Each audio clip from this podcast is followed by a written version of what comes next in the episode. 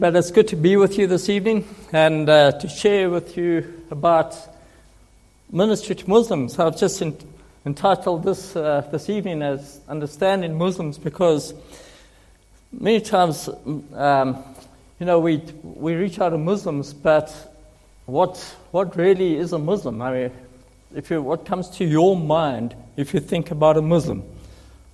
What is a Muslim? Anyone? Someone that believes in Allah. Okay. Anything else? That's correct. I mean, it can be more than one answer. Okay. A follower of the Quran and Muhammad. Okay. Any anyone else? Jesus was a prophet. Right. Militant evangelism. Okay. Some. Okay. Someone teaches teaching of Muhammad. Right. Strict rules. Okay, we'll just leave it at that. I don't think there are any wrong answers. And, um, but of course, what is a Muslim? Um, in one word, um, a Muslim is a person, you know, created in the image and likeness of God, and loved by God, fallen, sinful, separated from God, and in the need of the grace of God. Um, those, you know, all those things are correct as far as describing um, the Muslim and what Muslims practice and do, but in, in essence, a Muslim is a person like you and me. Um, who of us are sitting here as believers in Christ because of our good works? Anyone? Um, because you're a great guy, so God has accepted you.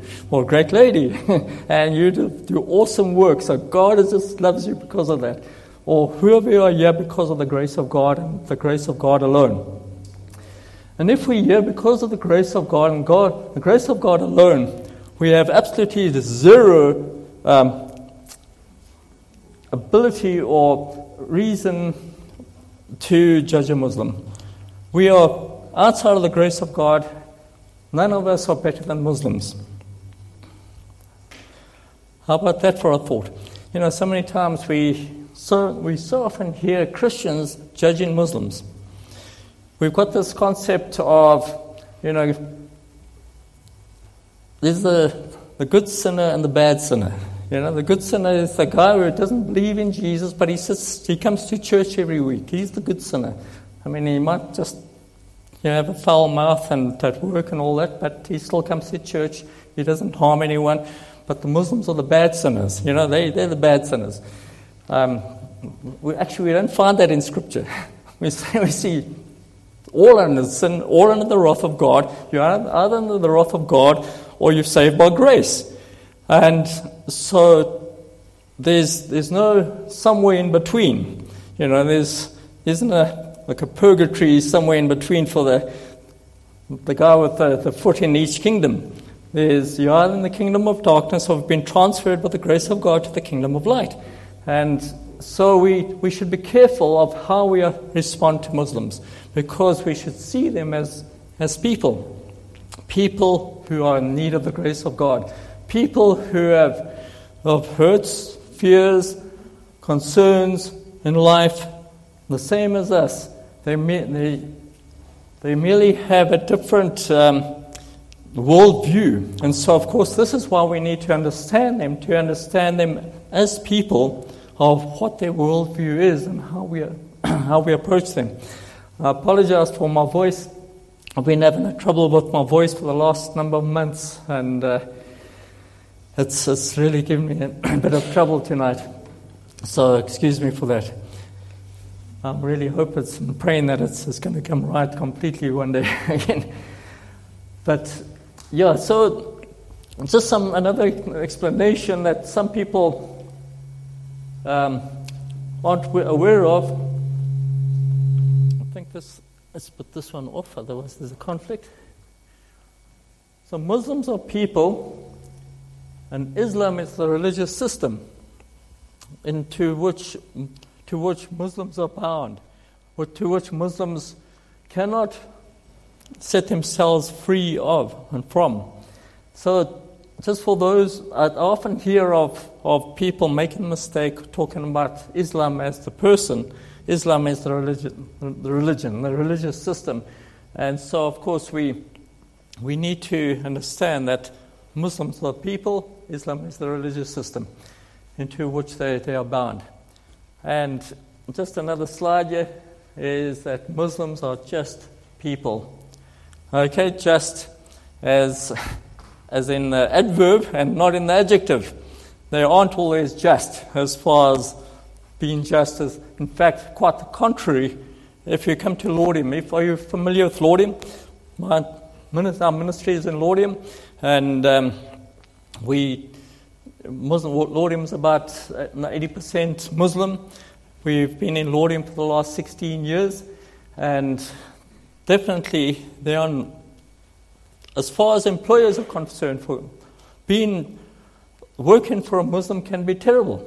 They really are not just people as far as you know righteous in that way. They they are oppressive employ, employers, and that's and we can say that um, because I've I've had numerous complaints from people who've worked for Muslims, and um, it is a general trait that they are terrible employers.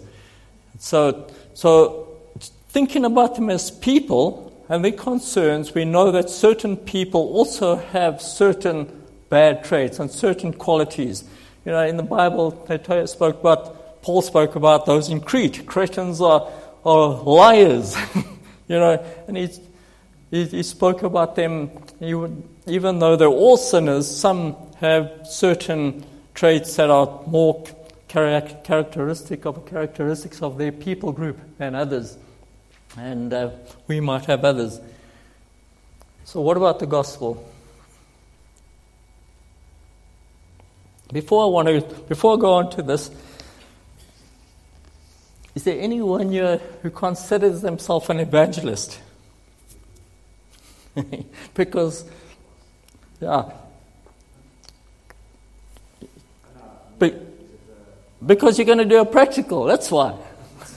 so before you put up your hand, put up your hand if you're willing to do a practical. Okay.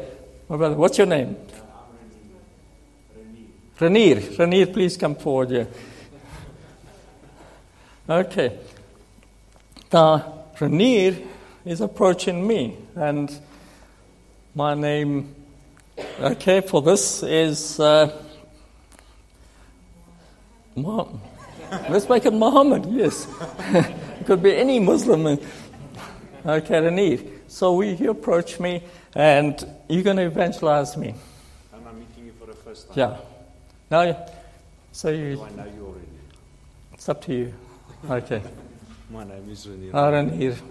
It's probably very awkward for me uh, to approach you like this. But I actually want to invite you to church, but obviously, assuming you don't believe it, uh, no, I'm a Muslim, uh, Renier. we, we don't go to church. We, we go to church, but we, we call it the mosque. okay. When do you go to church? We go five times a day, every day. Five hours. we, So- we just go on Sundays and maybe Uh, groups on maybe you should come to the mosque with me. Well, I'll come with you to the mosque if you come with me to church one Sunday. Okay, we can do that. So, so do you, what do you believe? I mean, what do I believe? Yo, that's actually a good question. Can I show you on Sunday? well, well, you don't seem very convinced. Maybe you should become a Muslim. Maybe I should. no, I'm joking. Yeah, maybe I understand we obviously have both different belief systems. I would like to understand why you believe what you believe, and I'll show you why I believe what I believe. Well, we believe in, we believe that we should only worship Allah. He is the last and final prophet, and so after him there's no other prophet. So we need to follow his message because he's the true way. So, and uh, is and he's the only way that we can can know that that Allah will accept us. So how did how did you become a Muslim? When did you? I was born a Muslim. How was you? So your parents are Muslims, and you were born into it. Then. But everyone is actually a Muslim. So? Or because other people of other religions because they strayed from Islam. Mm-hmm. So that's why you're a Christian, because you strayed from Islam, or your ancestors strayed from Islam. But everyone is born a Muslim. Interesting thought. I think we should have a coffee and sit around a table. okay, thanks, Vinny.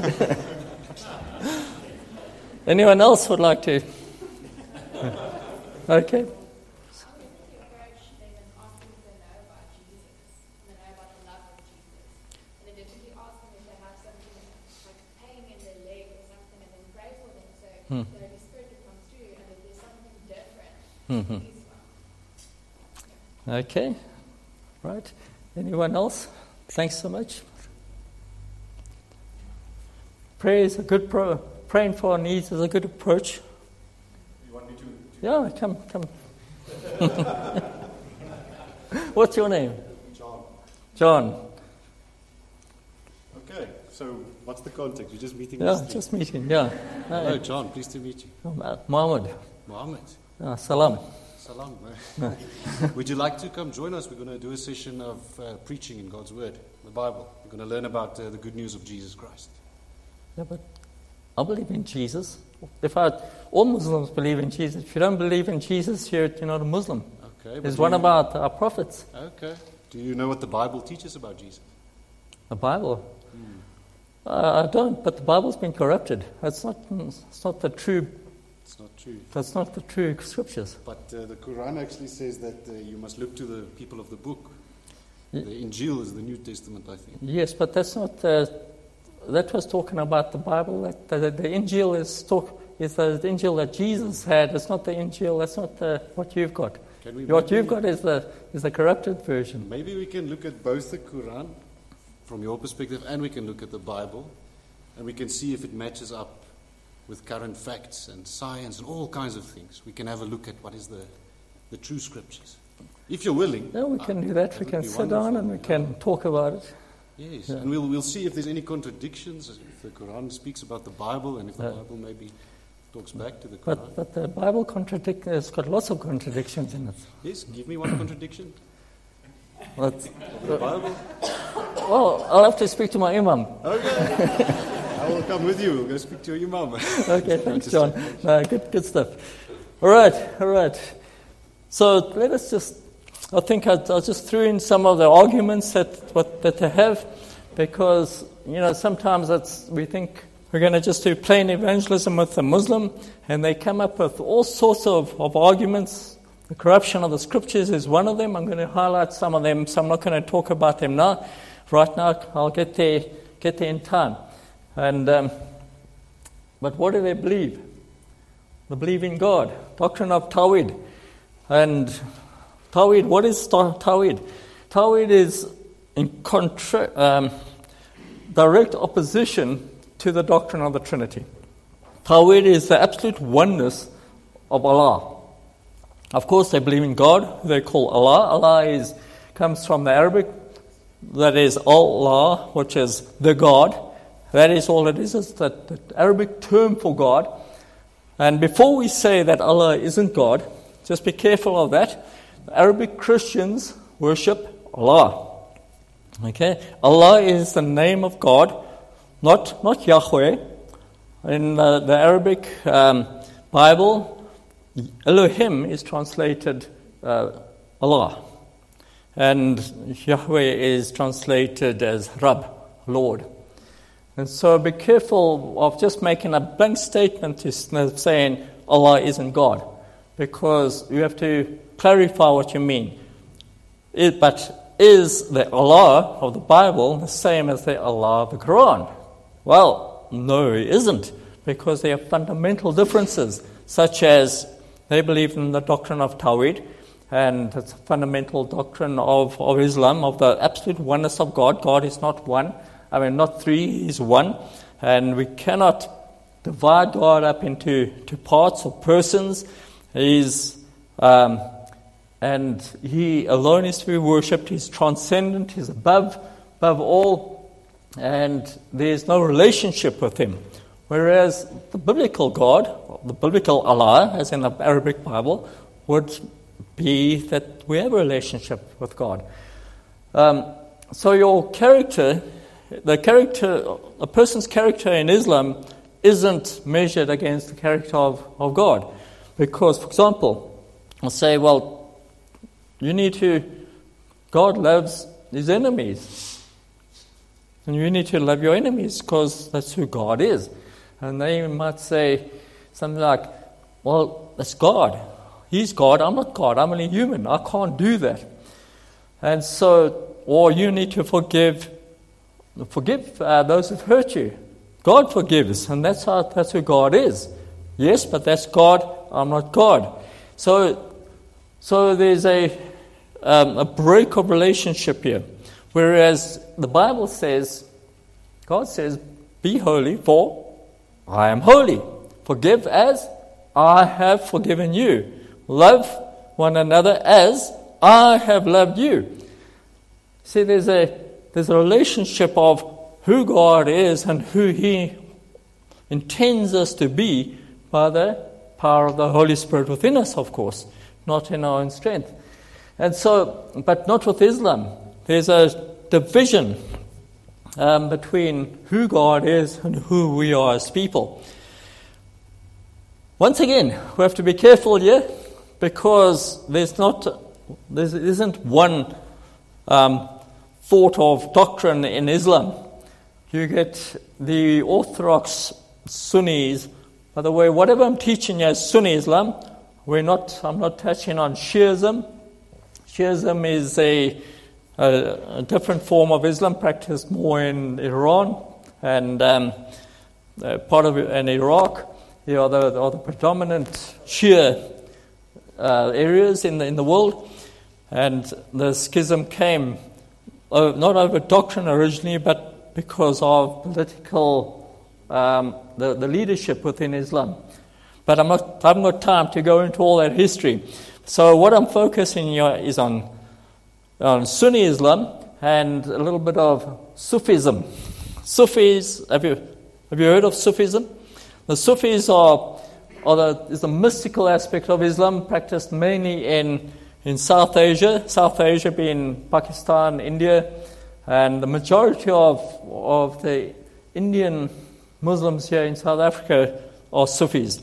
And they, they have things like the veneration of saints, for example. They, and they have days when these Sufi saints had died, and they would call it the Urs Sharif, where they would um, venerate these saints. Now, according to Orthodox Islam, that is haram, that is unclean. You don't do that. So there's a lot of um, there, there's a lot of uh, schools of thought within Islam as well, and I can't go into all the different schools of thought. So what I'm teaching really is your more your orthodox Islam, and you'll find, you know, when you when you approach a, a Muslim, you'll find, wait a minute, that's not what I, what I was taught, and then he'll baffle you because it goes con- completely contrary to what you were taught about Islam because you'll find that he's a strong Sufi or something. Uh, you know, in, in Islam, music, for example, is haram, it's unclean. You, and then you'll find that the Sufis, they've got the music called Qawwali, and they sing Qawwali songs to, as a part of the worship. And so it's, and they, they do that in, in Laudium here, and, and so it's, whereas you get the Taliban, for example, that that would destroy all music because they, they believe that they like the standard of what Islam is supposed to be about. By the way, do you know what Taliban means? It means two students. That's all. Talib. Talib is in Arabic is, is student. Taliban is two students. So of course there is a joke in the Arabic Arab world where they ask, well, where are the rest of the students? But uh, but that's all the that Taliban means. Um, let's just move on because I, I, can't go into all too much detail in everything because of, of the time limit here that we've got. The prophets.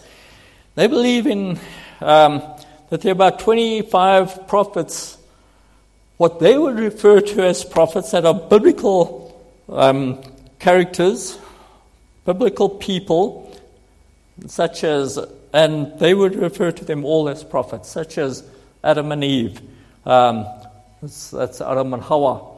That's um, Noah, Nuh, Musa, Moses, um, Solomon, Suleiman, David, Dawood, uh, and um, Ishak and Ismail, Isaac and Ishmael. Um, and then, of course, Jesus, Isa, Isa Masih, Jesus the Messiah. Jesus, do you know that Jesus is the only one who's referred to as the Messiah in the Quran? And he's mentioned about 24 times, not sure exactly the exact amount of times, where Muhammad is mentioned four times in the Quran. So he's mentioned numerous times. Jesus is the only one who, whose mother Mary has got a, according to the Muslims, that's the mother of, of Jesus, and they believe that Jesus was born of a, of a virgin, and uh, that Mary was, was the virgin, and that the, there's one woman mentioned in the Quran, and that's Mary, Maryam, and the mother of Jesus. Of course, they do have the facts quite mixed up. Muhammad didn't know all his facts because he's, he talks about Maryam, the, the mother of Jesus, the, the sister of Moses. so he had a little bit of a difficulty with his facts. so we can ask them about that.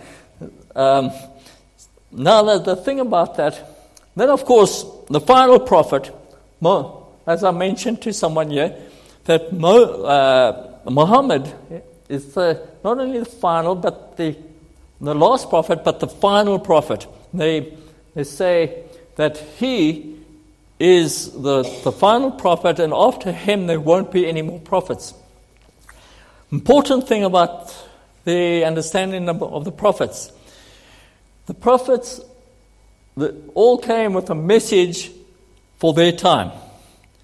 And when there was a when, when the later prophet came, and there's a contradiction between messages of one prophet and the next prophet, the latest prophet, the latest prophet's message overrode the previous prophet's message. For example, if Moses' message over contradicted Noah's message, because Moses was the latest prophet, then they would go with Moses' prophet uh, message and that, that anything he said would override anything that Noah said, and they'd say Noah's message is good for his time.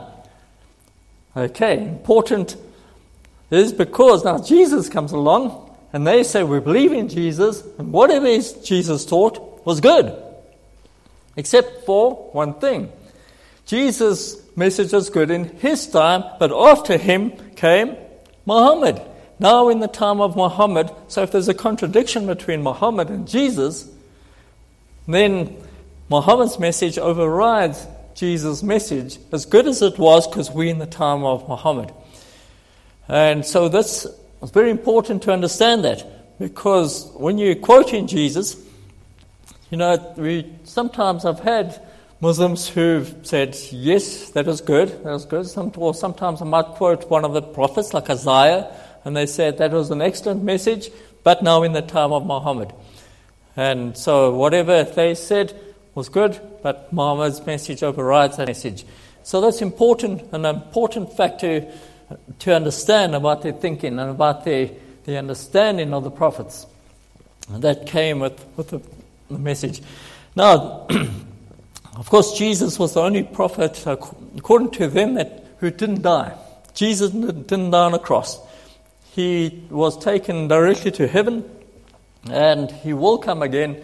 And according to Islamic theology and eschatology, he will come again and he will um, help um, kill the, overthrow the Al Dajjal. Al Dajjal is the Antichrist, and he will turn the, the world to Islam. He'll break the cross and um, he will get married, live 40 years, and then die.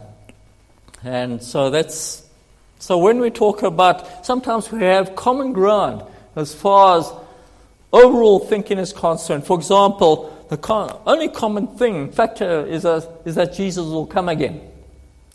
But the details of it, as you heard, are vastly different to what we believe about Jesus' second coming and, uh, and what they believe about Jesus coming again. They're vastly different. So, on the surface, even all the ideas of Jesus, you know, Jesus wasn't, uh, they don't believe that Jesus was God. You know, he's not the Son of God, he's merely a prophet. And so they deny the deity of Christ. So, on the surface, when they say, we all believe in Jesus, as if we're not, if, we're not Muslim, if we don't believe in Jesus, we aren't Muslims. All Muslims have to believe in Jesus. On the surface, it sounds such a, like a, such a great thing. So, the question is, well, what do you believe about Jesus? You see, who was Jesus to you? Because according to the Quran, he's not God, he's not the Son of God, he didn't die on a cross, he's not the Savior. So what's the what's the similarity? In fact, there isn't even a similarity in terminology because the only time Isa is used, a lot of times we like to use the word Isa for Jesus because that's the Arabic that's used in the Quran. But actually, that's the only place it's ever used is in the Quran. Arabic Christians don't use the word Isa, they use Yeshua um, for, for Jesus. And so the Islamic idea of, of Jesus is that's exactly just that. It's an idea. It's not based on reality and fact of, of the historical Jesus, of who Jesus really was and is. And we have to understand that. So the belief in the prophets. I can't see that timing. So, right. Sorry, I need to move on. Holy books. They believe. You know what book they believe in, right? What, what, what's the book? The Quran. Okay, that's what they, they believe in the Quran. But they also believe in other books. The, the Quran refers to other books, and uh, Brother yeah, John mentioned it doesn't the Quran point to the people of the book? And the Quran does. It, does, it talks about the Torah given to Moses, Musa. It talks about the, the Zabur, the Psalms given to David, Dawood. And talks about the Injil given to Isa, to Jesus. And so it talks about, it actually refers to the Torah, Zabur, and Injil, the Torah, the Psalms, and the Gospels. Of course, they but once again, as with the prophets, they've got um, a doctrine of.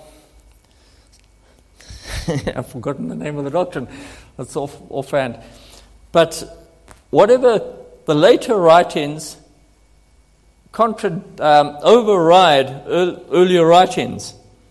Okay, and so if there's a later writing, it overrides any contradictions to it. And that later, no, that doctrine wasn't formulated by Muslim scholars to counter the, the Bible originally.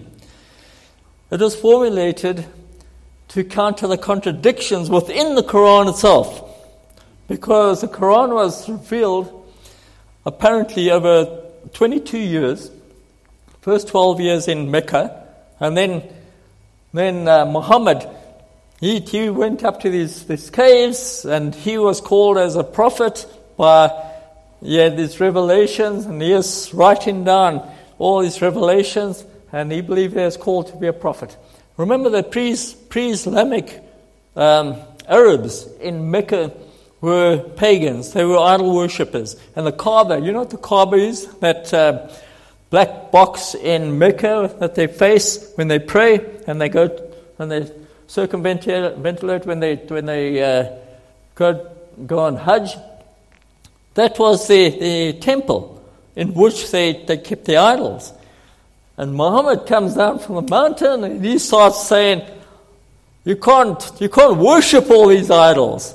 You've got to destroy them all and, um, and, and worship only Allah. He's the only true God. And of course, that didn't go too, down too well with the, the pagan Arabs. So they tried to kill him. So he fled to Medina in AD 622, and that is the start of the Islamic calendar. AD 622, when he fled for his life. And um, so, so there's then he, then he returned some years later. I won't give you the whole story of why he returned with 10,000 men from Medina, overthrows Mecca, destroys all the idols, and says, You, you've got a choice. That's wonderful thing about Islam, gives them a choice. I'll become Muslims or you die. So, um, I mean, that is their choice, really. Um, so, so it was a, a great choice they had.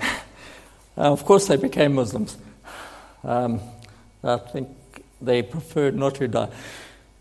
So, so from then on, by the way, that's that's when Islam. So Islam took root actually not in Mecca but in Medina, and then it, and from then on, no non-Muslim is allowed into Mecca or Medina. There's holy, there are two holy cities for, for Muslims, and so so is oh, I got off the track somewhere along. I'm supposed to be talking about holy books, but um, but then he, of course, he, during these revelations, he, he wrote down on all scraps of um, on leaves and papyrus and all sorts of things that, and his followers collated it. Uh, someone named Zayd ibn Thabit, who's who collated everything and put it together in the Quran as, as we have it today. Um, under the second caliph, the leader of, of Islam, um, Uthman, um, gathered all the, the translation or the, the versions of the Quran that didn't agree to that one and burnt them. So, of course, the Quran is perfectly united and, um, because it doesn't have any other versions.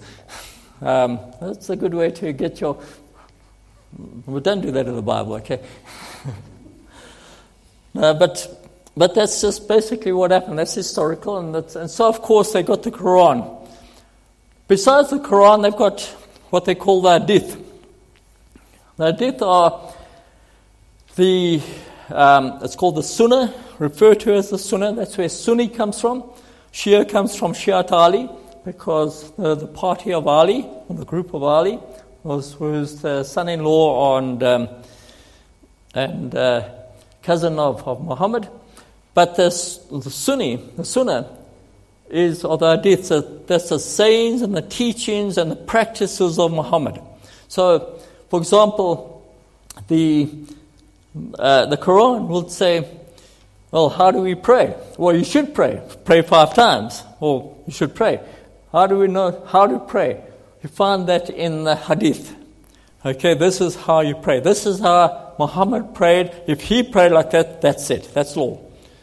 And so, how do they, why do Muslims have long beards? Most of them. Because Muhammad had a long beard, and so it's not instructed, it is part of the sunnah, it's part of the traditions of Muhammad, and it needs to be of first length. How do they, why do they dress like they do? Because that's how Muhammad dressed, you know, in the 7th century. So you, you still dress like that now. That's, so all that is instructed on the, all the practices within the, the hadith.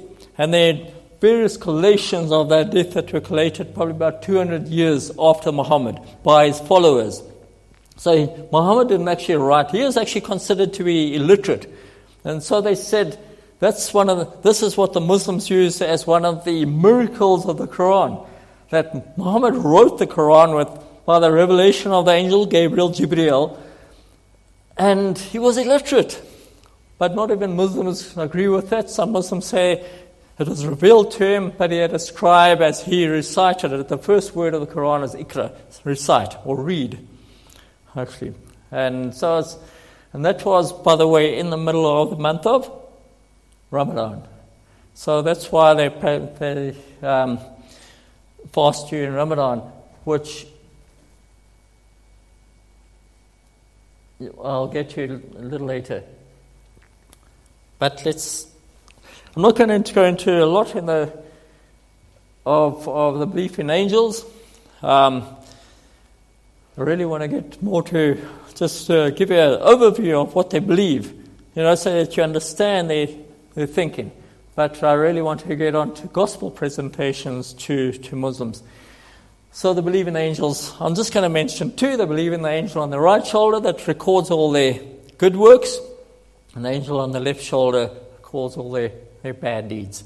And so, of course, um, these angels then on the day of judgment, because then they believe in a day of judgment, on the day of judgment, these angels are going to present the works of the Muslims to Allah, and He's going to weigh them on scales.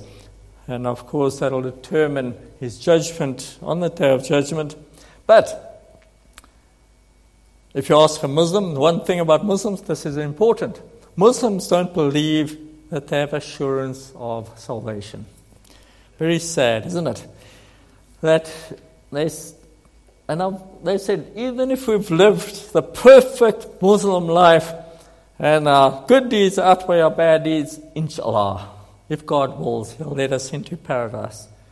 But it's up to Him. We don't know. No one knows. No one can be sure. Isn't that sad? I mean, so often I say, when they say that to me, I said, No, but we can be sure. Yeah, I'm sure. Why? Because I believe in Jesus. My Jesus doesn't lie. And He says, If I believe in Him, you will not perish, but you will have eternal life. So I can be sure. Does your God lie? so he said, No, you can't be sure. I said, Yes, I can. Because my God has assured me that if we believe in Him, we will not perish, but have eternal life. And so I can be sure, not on my ba- the basis of my works, but on the basis of what He's done, on what, what He's said, and He's sure. And if He's sure, that's all that matters to me. So, of course, remember sometimes people throw you out completely. Like the one time I, I asked the, the normal question if you die today, you're going to go to paradise or, or you're going to go to hell. What, what's going to happen? And he says, No, I'll go to paradise. And then it threw me out. Of course, I think, You're not supposed to say that. I mean, I didn't say that to him, but I'm thinking that. I'm like, now what am I supposed to say? Because Muslims aren't supposed to say that. You know, so you get the guy, the odd guy who, throws you off balance there, and then you have to quickly think about what, ah, this is uh, what I left out, the names of God. They've got 99 names of God. Okay. And uh, many of them are characteristics very similar to that of the Bible. And the first line of the, the Quran, for example, is Bismillah ar-Rahman rahim which is in the name of Allah, the most merciful, most gracious. And Ar-Rahman rahim is the most merciful, most gracious, most compassionate. So, so the guy said, Well, I asked him, what, On what basis are you going to go to, go to heaven? He says, Because God is the most merciful, most compassionate. I said, But it's going to be the firstly the day of judgment. Remember, so this is why you need to know. You need to know how to approach them. They do believe in the day of judgment. So you believe that God is going to judge you. And he says, Yes, there's judgment. And, um, but he's merciful and compassionate. But I said, if you think about any court of law and judgment, is it about compassion and mercy or is it about justice? He said, About justice. He said, Yes. I said, Yes, isn't God also is Rahim, the most merciful, most compassionate? But isn't he also Al-Adil, the, the just? So he said, Yes. So I said, How do you know that his justice isn't going to over, override his mercy and compassion? Because that's what judgment is all about. It's about justice, not mercy and compassion. So, and once again, this is where it comes to knowing about the angels, putting your good deeds on your bad deeds on scales. I said, if it's about justice, tell me honestly now, are your good deeds going to outweigh your bad deeds, or your bad deeds going to outweigh your good deeds? Yes. He said, Well, okay, I'll have to think about this again, about where I'm going. Because then he, he was honest and he said, No, I think my bad deeds outweigh my, my good deeds. And so, of course, you can see, using his terminology, I threw, turned the whole thing around to, to make him think about where he stands before God. And the importance of understanding their thinking. Of course, the belief in the decree, decrees of Allah, predestination, that everything good and bad comes from Allah. God has created good, God has created bad. He is good, He is bad. He also, by the way, God is, Allah is, a, is can also change His mind um, if, if He so wills, because He is Allah. He can do what He wants, and He determines everything from the beginning. If, if there's a major accident, if a whole lot of people die, that's the will of Allah. And inshallah, that's the will of Allah. And so that's so they believe in the decrees of Allah that everything is ordained by Him ahead of time, that whether good or bad. And so that's one of their belief systems. So what do they practice? Just going to run through this. The Shahada. Shahada is the statement of faith, to put it that way. And in Arabic, they would say, There is no God but, but Allah, and Muhammad is his prophet, his messenger. And so that is the, the statement of faith. They will, it's also called the kalima, the word, but generally in Arabic, it's the, the, the official word is shahada. And so every Muslim, to become a Muslim, all you have to do, you don't have to believe, you don't have to do anything. All you have to do is say the Shahada in Arabic with, a, with witnesses. That's it. So, and so that's what they do. And this is their conversion. How they convert someone to Islam, they get them to say the Shahada. There's no God but Allah, and Muhammad is his prophet. They have to say it in Arabic, so they'll have someone Obviously, not everyone can speak Arabic, so they'll have someone who can speak Arabic who will say it, and they'll just repeat it, and then they'll be considered a Muslim. Then they can get their handouts. that happens so often around here um, in, in Laudium. People, people convert for jobs, they convert for. Uh, like I was saying to another group, I was walking past a mosque two guys, Malawians, dressed as Muslims, and uh, walked up to them and, and said, "Well, you guys, uh, you guys are obviously Muslims." So I said, "Are you where are you from?" I said, "Malawi." So I said, "Are you from the Yao tribe?" Because you know the almost the whole of the Yao tribe are Muslims, and generally, if they're from the Yao tribe, they've been born Muslims. They haven't converted to Islam. They said, "No, we're not from the Yao." Oh, we. So you're from another tribe? Yes. So did you convert to Islam? No. So you were born Muslims? No. So how do you become Muslims? What are you? No, we're Christians. So why are you at the mosque dressed like Muslims? Not for jobs. yeah.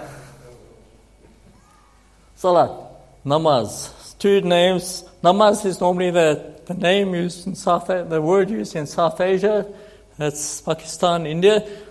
Salat is the um, official Arabic word for official formal prayers.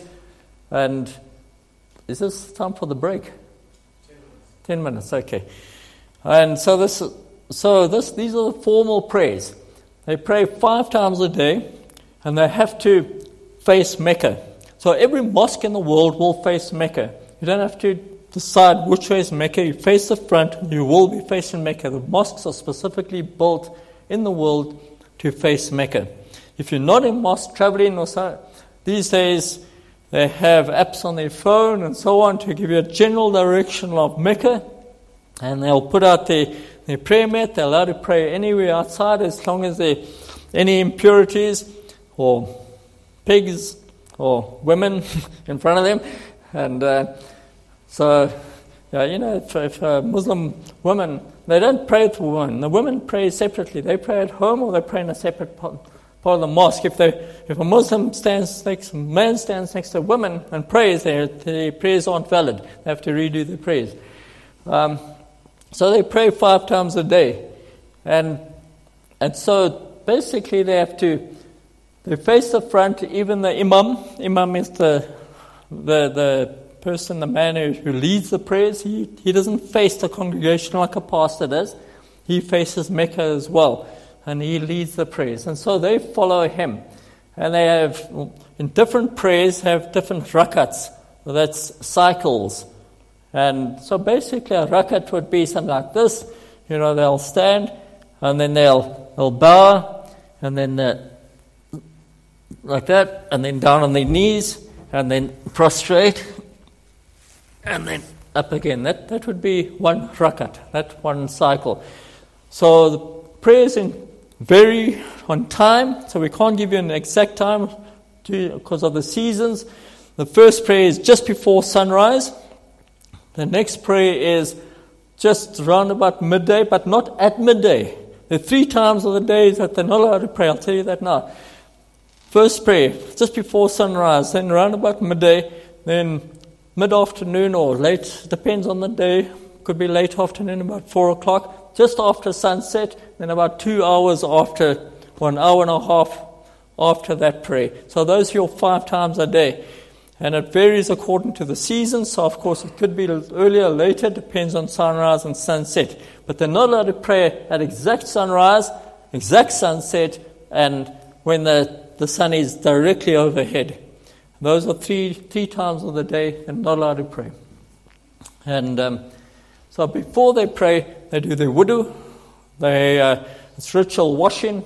So most mosques will have, have uh, like a, a wudu area, a, an ablution area with taps where they, taps where they, they do their, their washing. And uh, I'm not going to go into that, how, how they do the washing. They have a minor wudu, and then they have a ghusl, a, uh, a major um, bath as well, depending on what they've been doing during the day. For example, if husband and wife have sexual relations, they're going to have to have ghusl, a full bath before their prayers. They can't just do wudu. Um, and so on. So there's some things that are major and some most are minor. And if you're still in a state of purity from one prayer to another, you don't have to redo it.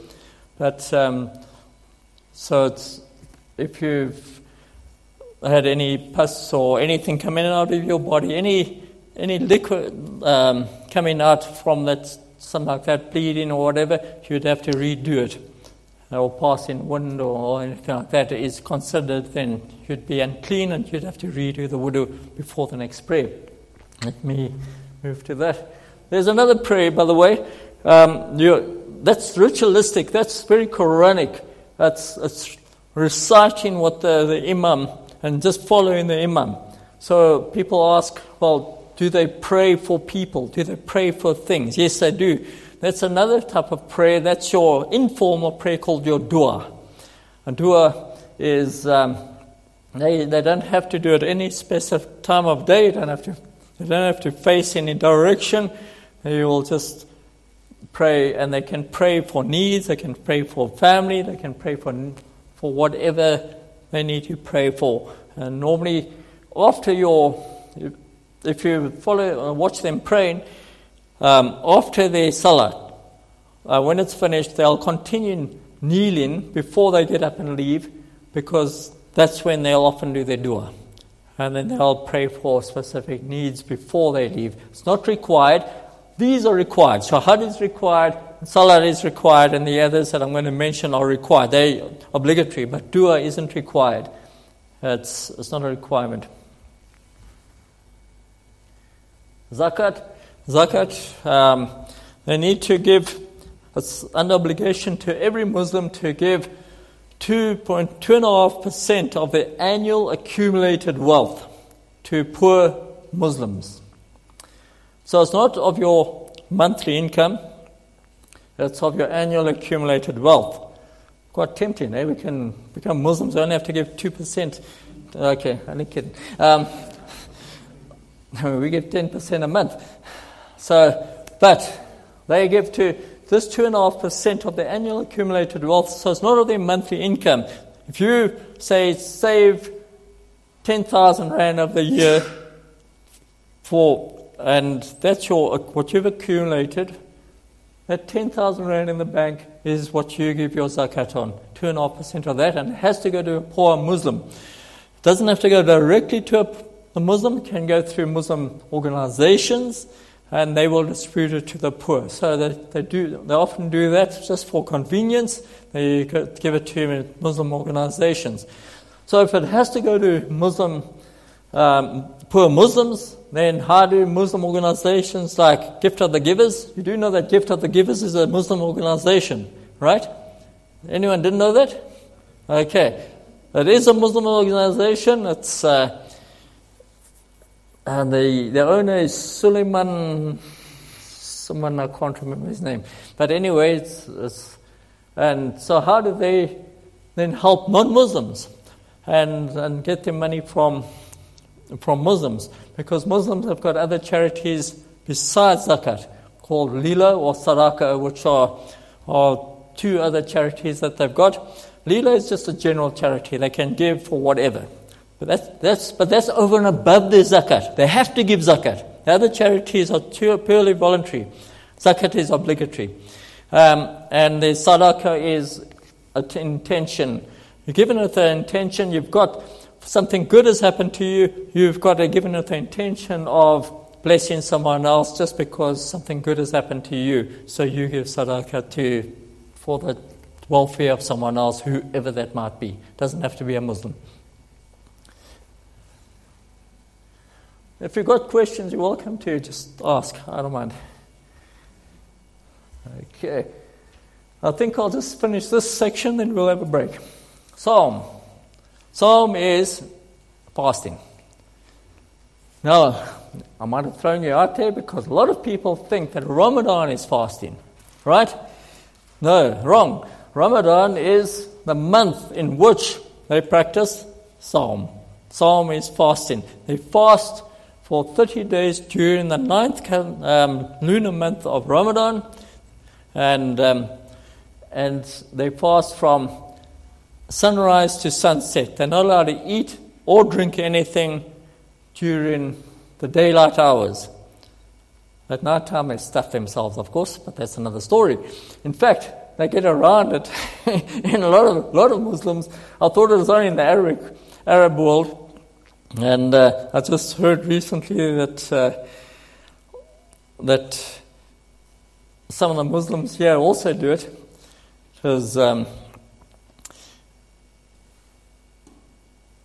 and I actually didn't realize that. What they do is, if it's possible, they turn their day and night around. They sleep during the day, and they work through the night, and then they'll have normal days, except it's turned the other way around How's that for getting around, getting through the loopholes? Eh? I mean, like, so they they can eat and drink whatever, and then of course, who wants, who's eating and drinking when you when you're sleeping anyway? So that's how they get around it. Sometimes, of course, if they're working in, in companies and that, they can't do it. But I have heard of a number of people, especially in the Arab world, but I've heard recently that there are a number of people who do it here too. I didn't even know that. Yes? Is their objective of fasting similar to ours, meaning sacrifice of flesh? Yeah, it is certainly, but um, the reason why they fast in Ramadan, as I mentioned earlier on, is the first revelation of the Quran was revealed to Muhammad during the month of Ramadan. And so it's a sacred month. So on about the 27th night, they're not sure which night it was actually revealed. It was one of the last odd nights of the like 25th, 27th, 29th. They're not sure. So they're normally on the, the 27th of, of Ramadan. They, they have what they call a night of power, where they pray through the night. They believe during Ramadan, your, the, the gates of heaven, Ar-Rayyan, is opened and, and your sins will be forgiven. And if you die during Ramadan, you'll go straight to heaven, um, and your sins will be forgiven. The, the devil is, is bound up and, and chained, and so on. And so, and that's a and during the month of Ramadan is the time when they normally get their zakat, because that's the month that they feel that they'll be most blessed if they give to the poor during, during Ramadan. So it is, but a lot of times, once again, on the surface, it might be the same, but underlying, there are reasons for it. Remember, you're earning points for your buddy on the, the right shoulder, you know. So, um, who's going to present deeds to, to Allah one day. So there, there are other motives, underlying motives for that. So sometimes, but we, you know, we, we shouldn't just automatically judge Muslims for that. I know some Muslims who are genuinely, genuinely very uh, generous and, and they, they generally are helpful and so on. You know, so uh, we must always just off, off pat, just judge a Muslim. And that's, very, that's one of the things we're very quick to do often. Oh, they're doing this only just to get rewards. And sometimes they're not. Sometimes they are genuinely helpful and genuinely generous people. And sometimes they're not.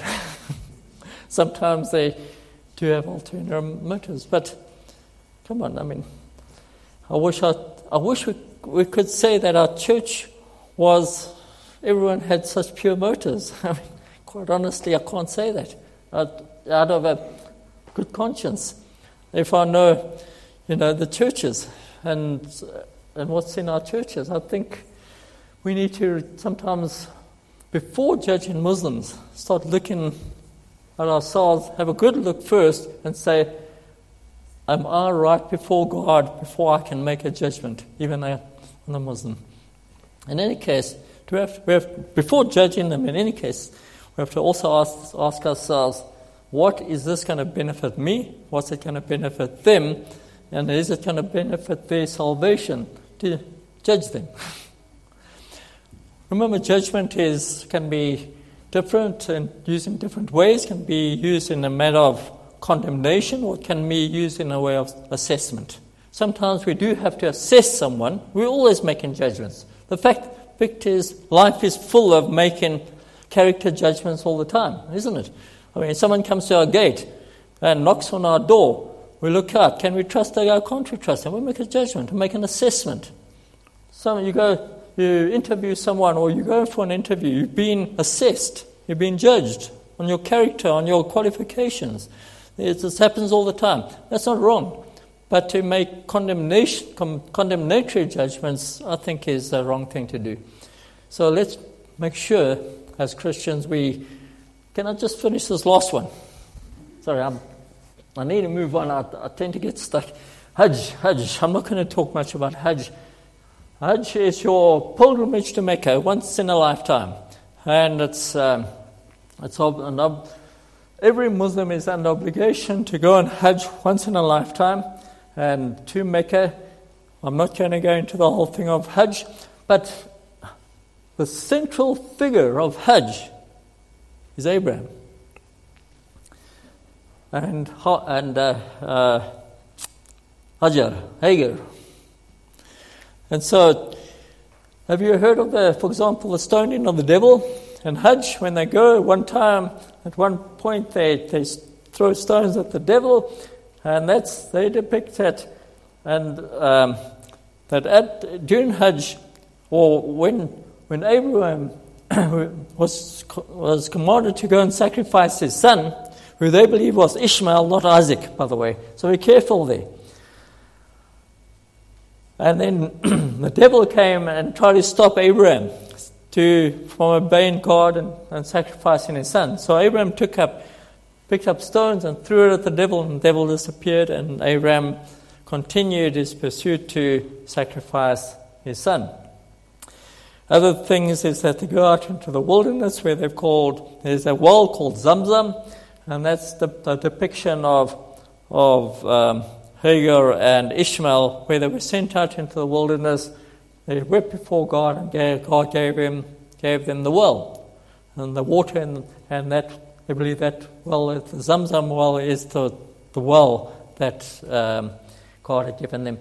And so then they, they have to go and they, they all wear, wear the same things. Men have their, their head shaved. Um, and so there's no difference between rich and poor. All are equal until they get home again. Um, and so, yeah, the Hajj. So, what do they believe will happen if they do not complete the pilgrimage like before that? Do they believe No, Well, if they die before that because of circumstances, they, they do believe that God is under, sorry, my voice has gone there. that God is merciful and He'll understand. But if it's just plain, or if it's finances, um, they also believe. Then they they do other works to try and make up for that. But if a rich, if a poor Muslim can't afford to go, and a rich Muslim pays for him to go, then the, both the poor Muslim and the rich Muslim get credits for that, that Hajj. And so, so that's what Muslims practice. And we'll leave it at that until the end of our break. Thank you so